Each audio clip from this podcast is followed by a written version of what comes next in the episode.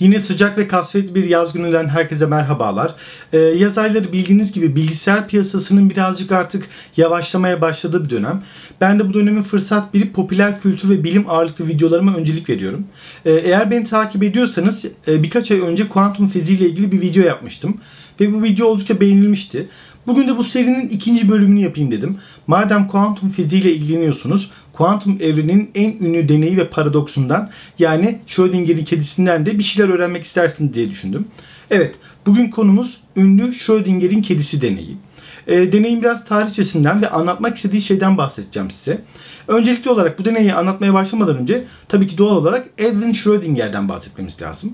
Kuantum fiziğine ve kuantum mekaniğine merak saldıysanız Edwin Schrödinger ismini mutlaka duymuşsunuzdur. Ee, Avusturyalı bu ünlü bilim insanı kuantum fiziğinin kurucu babalarından biri olarak kabul edilir. Bu alanda gerçekten çok önemli çalışmaları, keşifleri, buluşları ve önermeleri vardır. Schrödinger 1935 yılında kuantum mekanizmasının daha iyi anlaşılması ya da kuantum evreninde ölçüm yapmanın ne kadar zor olduğunu gösterebilmek adına ve de bu mekanikleri bizim gördüğümüz, duyduğumuz, işittiğimiz ve klasik fizik kurallarının geçerli olduğu makro evrene uyarlayabilmek adı için 1935 yılında bir deneyi kaleme alıyor.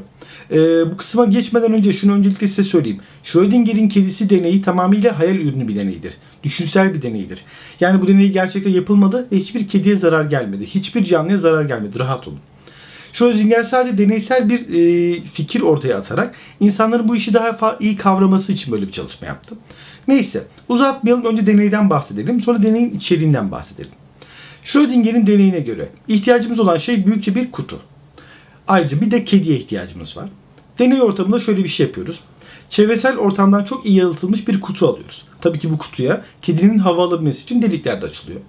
Kedimizi alıp bu kutunun içine koyuyoruz ve kutunun kapağını kapatıyoruz. Kutunun içinde bir kedi ve bir tane de siyanür şişesi bulunuyor. Einstein bunu barut olarak düşünüyor. Bazıları makinalı tüfek gibi daha abartıyor ama. Biz orijinalden gidelim. Schrödinger diyor ki kutunun içinde bir kedi var. Aynı zamanda bir şişede siyanür var. Ki bildiğiniz gibi siyanür çok zararlı, çok tehlikeli bir zehirdir. Siyanür şişesinin kapağı ise radyoaktif bir tetiğe bağlı. Bu tetikte radyoaktif bir element var. Yaklaşık olarak 10-15 dakika içerisinde bozulma ihtimali %50 olan bir radyoaktif element var. Eğer kedinin kutunun içindeyken bu radyoaktif element bozulursa dedektör bunu tespit ediyor ve tespit ettikten sonra büyük bir çekiçte şişeyi kırıyor. Tabi şişe kırıldığında siyanür serbest kalıyor ve kedi ölüyor. Şimdi kediyi aldık, kutunun içine koyduk ve deneye başladık. İşte bu noktada Edwin Schrödinger şu soruyu soruyor. Kutunun içindeki kedi canlı mı yoksa ölü mü? Şimdi işin bu noktasında e, biz muggle'lar tabii ki sadece iki önermede bulunabiliyoruz. Kedi ya ölmüştür ya da ölmemiştir. Ki bunda mantıksız bir şey yok. Çünkü bizim dünyamızda bu şartlarda yapılan bir deneyde sonuç budur. Bu kedi ya öldü ya da hala hayatta. Ama kuantum mekaniklerine göre kedi aynı anda hem ölü hem de hayatta olabilir. Çünkü kuantum evrenine göre kutunun içindeki kedi onu hiçbir şekilde gözlemleyemediğimiz için bir kuantum süperpozisyonuna girer. Bunun detaylarını anlamak isteyenler benim kuantum fiziği ile ilgili yaptığım videoyu izleyebilirler. Linkini buraya koyuyorum şu anda. Oradan detayına biraz daha girebilirsiniz. Schrödinger bu deneyde şunu göstermek istiyor. Eğer bu deney kuantum evreninde olsaydı o kedi aynı anda hem ölü hem de canlı kalabilirdi. Geleneksel makro dünyamızda, bizim makro evrenimizde ise sadece ya ölüdür ya da canlıdır. Ama kuantum mekaniğine göre şu anda gözleyemediğimiz kutu ve kutunun içindeki kedi aynı anda hem ölü hem de canlı olabilir. Şimdi bu açıdan baktığın zaman çok mantıksız geliyor, çok saçma geliyor, çok garip geliyor. Nasıl yani? Yani bu kedi ya öldü ya ölmedi. %50 ihtimal. Ama işte kuantum evreninde %50 ihtimal diye bir şey yoktur. Kuantum evreninde parçacıklar aynı anda birden fazla yerde olabilirler. Birden fazla pozisyonda olabilirler. İşte bizim süperpozisyon dediğimiz şu. Schrödinger de zaten bu deneyi yaparak bu süperpozisyon olayını bizim bildiğimiz klasik anlamdaki makro evrene adapte etmeye çalışmıştır. Tabi bazı bilim insanları bunu çok saçma ve mantıksız bulmuştu. Bazıları gayet mantıklı bulmuştu. Ki bununla ilgili tartışma devam ediyor. Deneyin sonucunda da ne olduğunu göreceğiz zaten. Kutuyu bir süre sonra açacağız ve kutuyu açtığımız zaman kedi canlı mı değil mi bunu öğreneceğiz. Ama önemli olan burada o değildir. Kutunun içinde ne olup bittiğini gözlemleyemediğim süre zarfında ne olduğudur.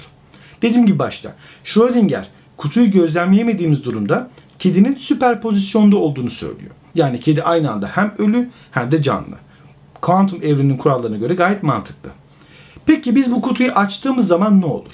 Şimdi önce kendi evrenimizin kurallarıyla sonra da kuantum evrenin kurallarıyla bunu yorumlayalım. Kendi evrenimiz Muggle dünyasının kurallarına göre yorumlayacak olursak kutuyu açarız ve doğal olarak kedi yaşıyor mu ölü mü bunu görmüş oluruz. Ama kuantum evreninde kutuyu açarsak yani olaya dahil olursak, olaya gözlemci olursak süperpozisyon ortadan yok ederiz. Buna da kuantum dalga çöküşü denir. Yani kuantum dalga çöküşünü başlatırız. O olası, sınırsız olasılıkları ortadan kaldırırız ve doğayı sadece tek bir seçeneği seçmeye zorlarız. O da kedi ya ölüdür ya da değildir. Biraz karışık geliyor değil mi? Karma karışık geliyor. E zaten bu deneyin amacı da bu. Deneyin amaçlarından biri de kuantum mekaniğinin geleneksel fizik kurallarına bağlı dünyanın mantığıyla ve düşünce şekliyle anlaşılamayacağıdır. Yani Schrödinger şunu demek istiyor. Kuantum mekanizmasını anlamak istiyorsanız, kuantum evrenini anlamak istiyorsanız o gelenekçi düşünce yapınızı, o gelenekçi kural yapısını kafanızda kırmanız lazım. Zincirlerinizi kırmanız lazım.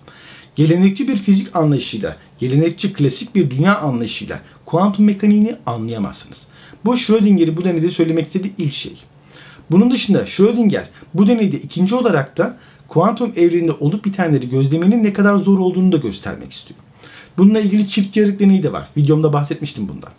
Kuantum evreninde siz bir olayı gözlemlemediğiniz sürece süperpozisyon geçerlidir. Yani foton hem burada hem de içeride ya da dünyanın öbür ucunda olabilir. Ya da bunu genellikle bu konular açıldığı zaman hep bir tuzluk örneği verir işte. Bu tuzluk hem burada masanın üstünde duruyor olabilir hem de şu anda dolapta duruyor olabilir. Ya da daha da abartanlar işte şu anda benim yanımda çok güzel bir kız olabilir ya da yanında hiç kimse olmayabilir gibisinden daha değişik şekillerde anlatmaya çalışıyor. Bu süperpozisyon dediğimiz şey ve süperpozisyon kuantum evreninde her zaman olan şey. Hatta kuantum bilgisayarlarında da olan bir şey ki ben kuantum bilgisayarların detaylarını da başka bir videoda anlatmıştım. Onun da linkini şu anda buraya koyuyorum.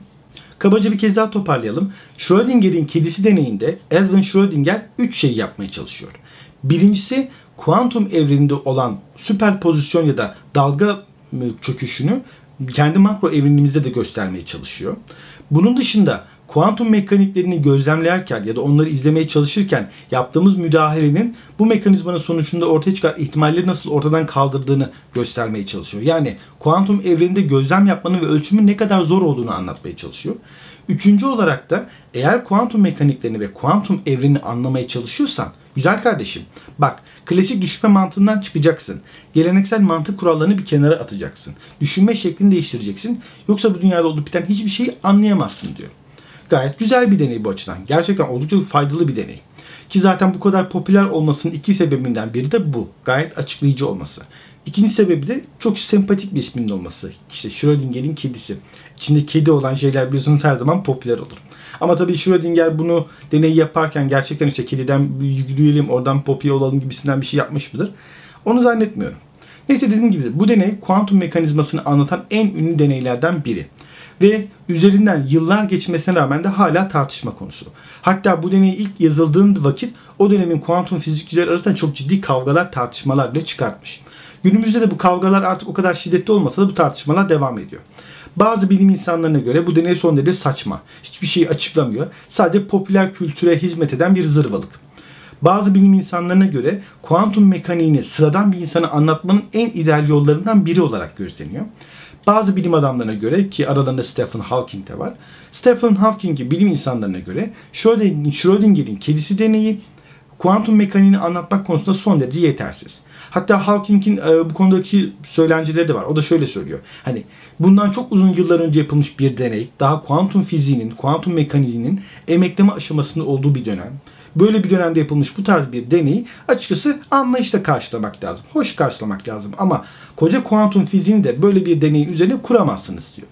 Haklı olabilir artık. Orası benim aklımın ereceği noktalar değil. Orası başka bir dünya. Benim zeka seviyem o kadarını kaldırmıyor maalesef. Yani özetle bu. Kuantum fiziğini çok meraklıysanız Schrödinger'in kedisi deneyini gerçekten gerçekten bilmeniz gerekir. Dediğim gibi bu deneyin gerçek anlatmak istediği şeyler çok basit aslında. Birincisi olarak kuantum mekaniğini anlamak istiyorsan normal bakış açını, mantığını değiştirmen ve bu kurallardan kopman lazım.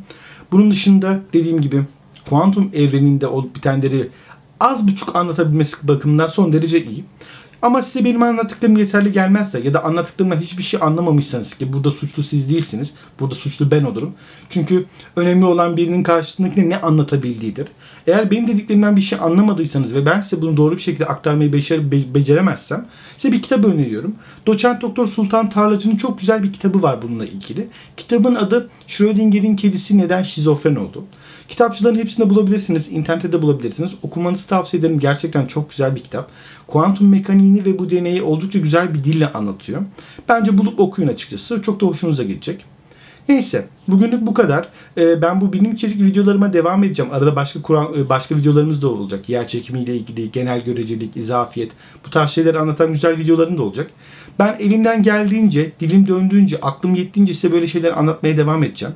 Her ne kadar sürçülisan ettiysem affola çünkü ben bir fizikçi değilim. Sadece öğrendiklerimi elimden geldiğince sizinle paylaşmak istiyorum. O yüzden arada hatalarım olduysa şimdiden sizden özür diliyorum. Daha da fazla uzatmıyorum. E, beğenirseniz lütfen abone olun. E, yorumlarınızı benden esirgemeyin. Yorumları okuyup onlara cevap vermek için elimden geleni yapıyorum. Bu konuda eskisi kadar iyi değilim ama yetişmeye çalışıyorum. E, bana sosyal medya hesaplarım üzerinden ulaşabilirsiniz. Twitter hesabım üzerinden ulaşabilirsiniz. Bu aralar orada oldukça aktifim. Twitter'da e, sorulara daha hızlı bir şekilde cevap veriyorum. Facebook'tan ulaşabilirsiniz ama Facebook'tan çok ağır bir bombardımana uğradığım için orada size yeterli hızla dönüş yapamayabilirim. Bunun dışında forum.donanımcıbaba.com'a da gelebilirsiniz. Açıkçası bana ulaşabileceğiniz adresleri ben özetle aşağıya yazıyorum zaten. Daha da uzatmıyorum. Mavi ekransız günler diyorum. İyi günler.